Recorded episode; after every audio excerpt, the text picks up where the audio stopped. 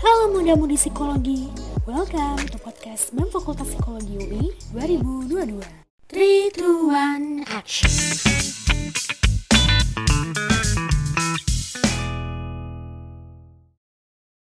Halo muda-mudi psikologi, selamat datang di Spotify BEM Fakultas Psikologi UI 2022. Buat kalian yang masih pada kepo mengenai kehidupan kampus psikologi UI atau yang mau kenalan sama kakak-kakak psikologi, podcast ini berguna banget dan harus kalian dengerin. Tak kenal maka tak sayang, tak sayang maka tak cinta.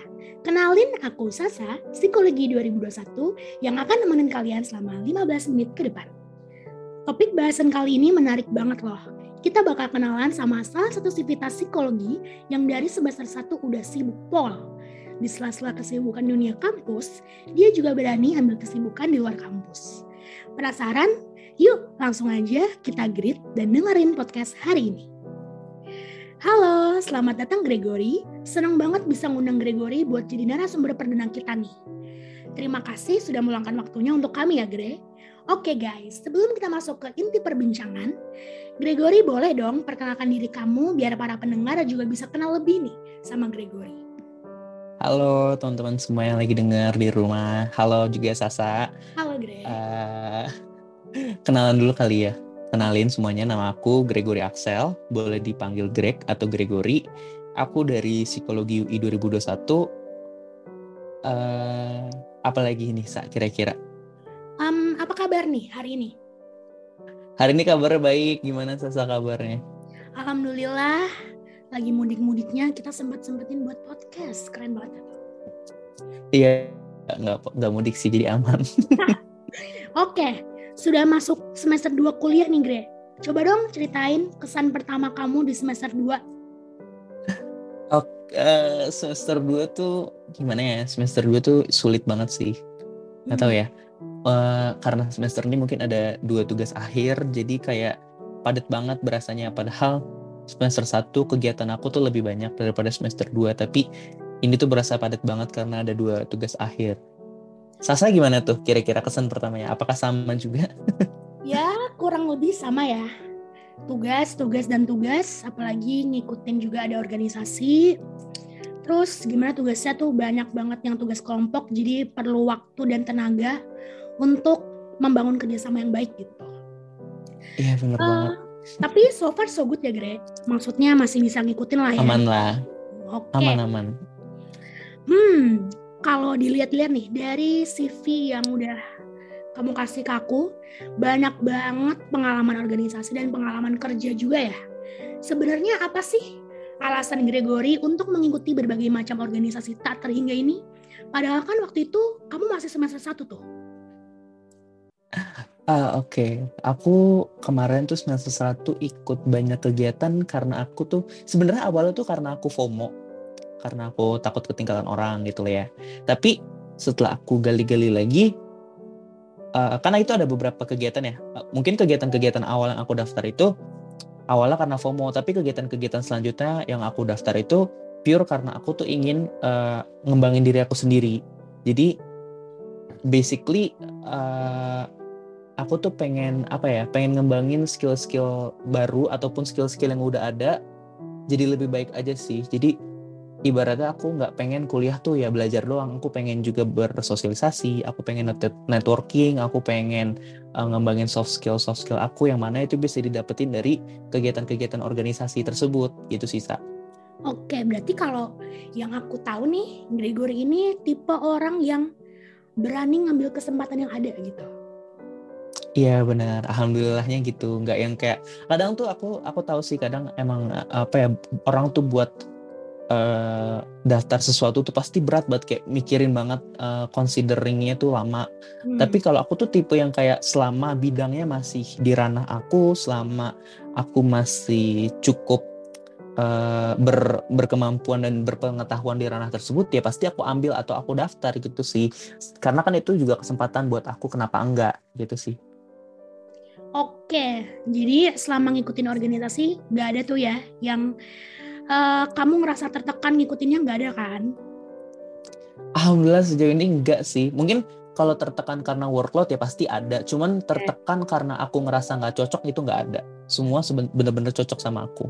Oke, karena emang dari awal juga ngambil organisasi yang kamu suka ya, bukan karena paksaan atau apa pun itu. Iya Oke, betul. Gregory. Um, pernah ngalamin culture shock gak sih? Uh, pernah sih, pernah pernah banget. Culture shock yang aku alamin mungkin ketika aku ikut uh, kegiatan organisasi di kuliah sama di SMA hmm. itu tuh beda banget. Uh, kayak di kuliah tuh workloadnya bener-bener tinggi, workloadnya itu bener-bener banyak dan itu aku harus bisa sebaik mungkin memanage waktu dan juga memanage diri aku sendiri untuk mampu ngerjain workload tersebut. Di mana kalau misalkan pas kita ikut kegiatan organisasi di SMA kan walaupun udah ada uh, misalkan udah ada garis-garis besarnya nih tapi kebanyakan kerjanya itu cenderung tentatif atau cenderung uh, banyak improve di tengah jalan. Kayak ada ide kita kerjain ada ide kita keluarin gitu. Meanwhile kalau misalkan kita ikut kegiatan organisasi di kuliah ini tuh workloadnya itu udah ditentuin dan itu fast paced banget pacing pacing kerjanya juga cepat jadi kayak itu bikin aku kaget aja sih okay. jadi lebih ke kaget sama work workloadnya untuk culture shocknya hmm. gitu kayak yang udah kita pelajarin juga ya di psikologi perkembangan transition to college jadi pasti ada perbedaan Betul. ada culture shock di mana saat kita menuju ke perkuliahan itu pasti ada cara adaptasinya, pasti perbedaan pemikiran dan lain sebagainya. Nah, Gregory nih, udah kalau aku hitung ada banyak banget organisasi yang pernah kamu ikutin. Gimana sih cara kamu ngimbangin kemampuan akademik dan non akademik kamu selama ngikutin organisasi? Uh, kalau aku uh, selalu dahuluin akademik daripada non akademik itu yang pertama sih first thing first itu selalu uh, per, apa utamakan akademik kamu ut utamakan akademik aku gitu jadi ketika mau ada kerjaan apa-apa tapi aku besok ada kuis pasti yang jelas aku belajar kuis dulu. Atau misalkan ada rapat terus di saat yang bersamaan aku ada kerja kelompok pasti aku juga kerja kelompok dulu. Karena uh, menurut aku uh, apa kerjaan-kerjaan di organisasi itu sesuatu yang bisa di bukan di nomor dua kan sih sesuatu yang bisa didelegasikan gitu ibaratnya kayak misalkan uh, ikut rapat untuk update rapatnya aku bisa tanya teman aku dulu hmm. atau untuk update pekerjaan aku aku bisa titip ke BPH aku Meanwhile kalau misalkan kerja kelompok itu kan aku harus bener-bener uh, kerja bareng sama kelompok aku nyelesain pekerjaan-pekerjaan kuliah yang dikasih sama dosen gitu. Itu harus bareng. Kalau misalkan rapat kan kita bisa titip update kita ke BPH sementara update dari BPH bisa kita tolong titipin ke teman-teman staff kita kayak gitu. Jadi aku selalu utamain akademik dulu. Itu pertama, kedua time management pakai semua tool yang bisa dipakai. Kayak misalkan reminder di iOS itu kan gampang banget. Kita tinggal panggil Siri terus tulis aja kayak apa sebut aja kita mau remind apaan. Aku tuh sering banget kayak gitu. Aku selalu remind buat ngerjain. Misalkan aku ada desain yang harus dikerjain tinggal bilang aja hey Siri terus kerjain apa remind me to bla bla bla gitu misalnya terus kalau misalkan dulu tuh semester satu aku sempet sempet pakai Notion Cuman sekarang udah nggak lagi karena agak ribet sekarang buka-buka Notion. Nah, dulu tuh kalau pakai Notion aku biasanya ya tulis aja untuk kegiatan organisasi aku ada apa aja yang harus dikerjain, ada meeting apa aja yang harus dihadirin, terus untuk tugas kuliah ada deadline apa aja minggu ini, ada ada kerja kelompok kapan aja. Jadi gitu uh, manfaatin semua tool yang bisa ningkatin produktivitas kita. Jadi paling dua itu sih. Yang pertama ya selalu utamain akademik dan yang kedua jangan lupa time management. Gitu. Betul. Bahkan sekarang juga teknologi kan semakin canggih ya. Jadi hmm. banyak reminder dari HP pun bisa, uh, Google Calendar pun ada. Pokoknya kalau dari um, penjelasan Gregory tadi yang bisa aku simpulin, yang bisa aku rangkum itu yang pertama atur skala prioritas.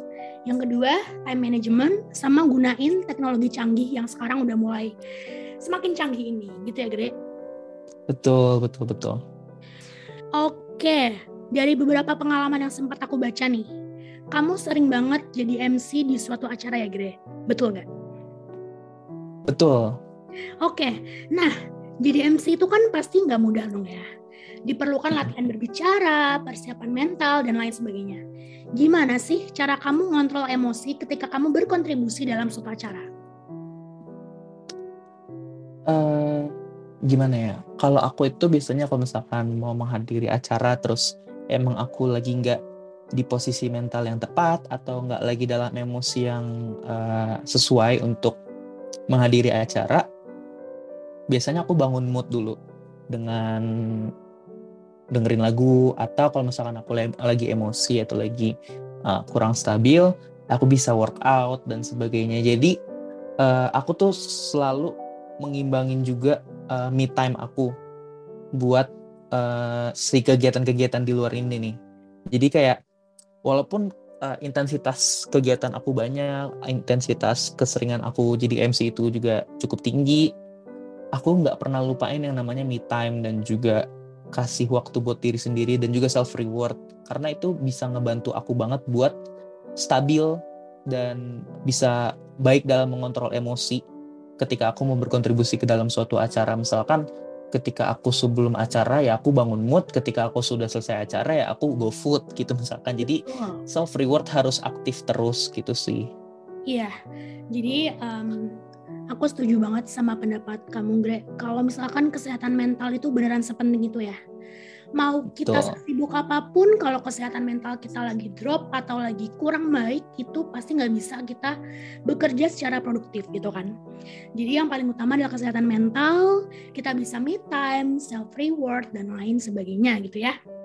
Uh, karena menurut aku kalau misalkan kita apa ya kadang kan orang-orang sekarang tuh kayak oh aku lagi mentally uh, uncapable gitu. Misalkan aku secara mental aku nggak lagi nggak mampu minimal kita ada ada ada kewajiban yang harus dituntaskan. Nah itu menurut aku kurang profesional. Makanya uh, aku selalu apa ya mencegah hal itu terjadi gitu loh. Jadi kayak aku nggak mau uh, membiarkan emosi atau keadaan mental aku tuh menghalangi aku untuk melakukan kewajiban. Makanya kenapa aku selalu mengutamakan kestabilan mental dan kestabilan emosi supaya ya jadi jangan jangan semena-mena gitu loh ngerti gak sih? Kayak oh karena aku lagi gak enak mentalnya aku nggak mau ngerjain dulu. Padahal kita bisa siapin itu semua sebelum acara bisa siapin bisa self reward juga sesudah acara. Intinya ya pinter-pinter uh, manage diri sih. Yes aku setuju banget. Yang penting pokoknya memanage diri, me time, self reward sangat penting untuk kita gitu ya. Oke okay, Gregory, menurut kamu kesehatan mental tuh sepenting apa sih? Menurut aku kesehatan mental tuh penting banget karena dengan mental kita dalam keadaan yang sehat, kita bisa produktif. Kayak pasti tuh teman-teman kampus pasti ada yang suka kayak, aduh aku lagi nggak mood ngerjain, aku aku lagi demot, aku lagi burnout. Tapi kok sering banget gitu burnout sama demotnya. Nah itu kenapa? Itu kan yang yang jadi pertanyaan ya. Berarti di situ ada keadaan mental yang lagi nggak sehat sampai akhirnya jadi sering burnout, sering demot dan sebagainya. Nah, itulah kenapa menurut aku tuh kesehatan mental tuh penting banget buat dijaga gitu loh. Jadi kayak menurut aku kesehatan mental itu bukan sesuatu yang kita achieve. Kesehatan mental itu adalah sesuatu yang kita maintain. Jadi ya kita tiap hari harus ngejaga kesehatan mental kita sama kayak kita tiap hari menjaga kesehatan fisik kita. Kalau kesehatan fisik kita tiap hari olahraga, kalau kesehatan mental sih ya setiap hari kita melakukan sesuatu yang uh, bersifat rewarding kepada diri kita sendiri. Gak harus bersifat materi seperti beli makanan atau sebagainya, nggak perlu kayak ya cukup ngelakuin hal-hal yang kita suka di sela-sela pekerjaan itu udah cukup banget. Jadi pekerjaan kita tuh nggak ikut kacau gitu loh ketika kita udah mencapai kestabilan tersebut ya pastinya well-being kita juga bagus banget. Ketika well-being kita udah bagus, sorry. Nah, pekerjaan-pekerjaan kita pun akan uh, stabil juga gitu. Jadi ketika uh, apa ya? kestabilan work life balance kita itu ngikutin mental health kita juga gitu. Maka menurut aku mental health itu penting banget untuk dijaga. Yes, betul banget. Oke, Gregory. Hmm, kayaknya nggak kerasa nih, kita udah 15 menit lebih ya ngobrol-ngobrol kayak gini. Aku mau nyimpulin. Wow. Wow banget. Oke. Okay. Aku mau nyimpulin dari awal kita ngobrol sampai di penghujung acara ini. Yang pertama, kalau ada kesempatan, jangan pernah takut untuk ambil kesempatan itu, ya kan? Betul. Yang kedua, tetapin skala prioritas, time management, dan pergunakan teknologi secanggih mungkin. Lalu, kesehatan mental itu yang utama, akademik juga yang utama, gitu ya, Gre? Oh. Oke, okay, Gregory sendiri um, ada kesan-pesan nggak untuk para sivitas atau orang-orang di luar sana yang masih takut nih untuk ambil organisasi atau masih bingung nih cara menstabilkan kesehatan mentalnya? Boleh dong kasih kita tips dan triknya. Uh, buat teman-teman sivitas di luar sana yang mau ngambil langkah ke depan untuk ikut organisasi atau yang masih berusaha untuk nyimbangin keadaan diri itu semua pasti punya struggle masing-masing. Nah, menurut aku yang paling penting dari semuanya adalah kita harus punya self awareness yang baik. Ketika kita punya self awareness yang baik, kita bisa sadar nih diri kita tuh ada di posisi mana. Apakah kita ada di posisi yang masih perlu untuk menyimbangkan kesehatan mental atau kita ada di posisi yang udah mampu untuk take a step further buat uh, join organisasi, buat join kegiatan. Nah, Makanya untuk teman-teman silakan dikembangin lagi self awarenessnya, silakan tanyakan kepada diri sendiri what's up gitu loh. Apa yang uh, lagi happening di dalam hidup kalian? Apa yang lagi kalian rasakan dan apa yang kalian mau ketika kalian udah bisa ngejawab semua pertanyaan itu kalian akan dapat gambaran dari diri kalian sendiri dan dari dari gambaran tersebutlah kalian bisa ngambil langkah selanjutnya itu sih jadi jangan cuek sama diri sendiri yang jelas. Harus tahu apa yang kalian bisa dan apa yang kalian mau. Ya, gitu aja. banget karena siapa yang paling kenal diri kamu adalah diri kamu sendiri gitu ya. Betul. Yes, oke. Okay. Gregory, apakah masih ada yang ingin disampaikan untuk teman-teman di luar sana? Uh, paling semangat aja sih buat nyelesain kuliah semester ini. Mungkin nah. juga ini kan udah ada udah ada teman-teman maba mungkin ya udah ada teman-teman maba ya. dari um, hmm. SNM sama PPKB dan talent scouting ya aku mau ngucapin juga selamat datang di keluarga biru muda dan juga semangat nunggu kuliahnya silakan isi waktu sebaik mungkin betul prepare diri kamu prepare kesehatan mental kamu untuk memasuki perkuliahan ya Betul. Oke, Gregory, terima kasih banyak atas waktunya untuk sharing mengenai pengalaman dan tips organisasi yang insightful ini. Semoga para sivitas psikologi bisa lebih semangat untuk terus maju dan berkontribusi untuk UI dan Indonesia ya. Itu dia guys, topik perbincangan pada hari ini. Terima kasih buat teman-teman yang udah setia nemenin aku untuk dengerin podcast hari ini. Terima kasih juga ya Gregory udah mau jadi narasumber podcast pada hari ini. Aku ada satu pantun nih. Makan apa, apa sama Rini? Cakep dong. Cakep.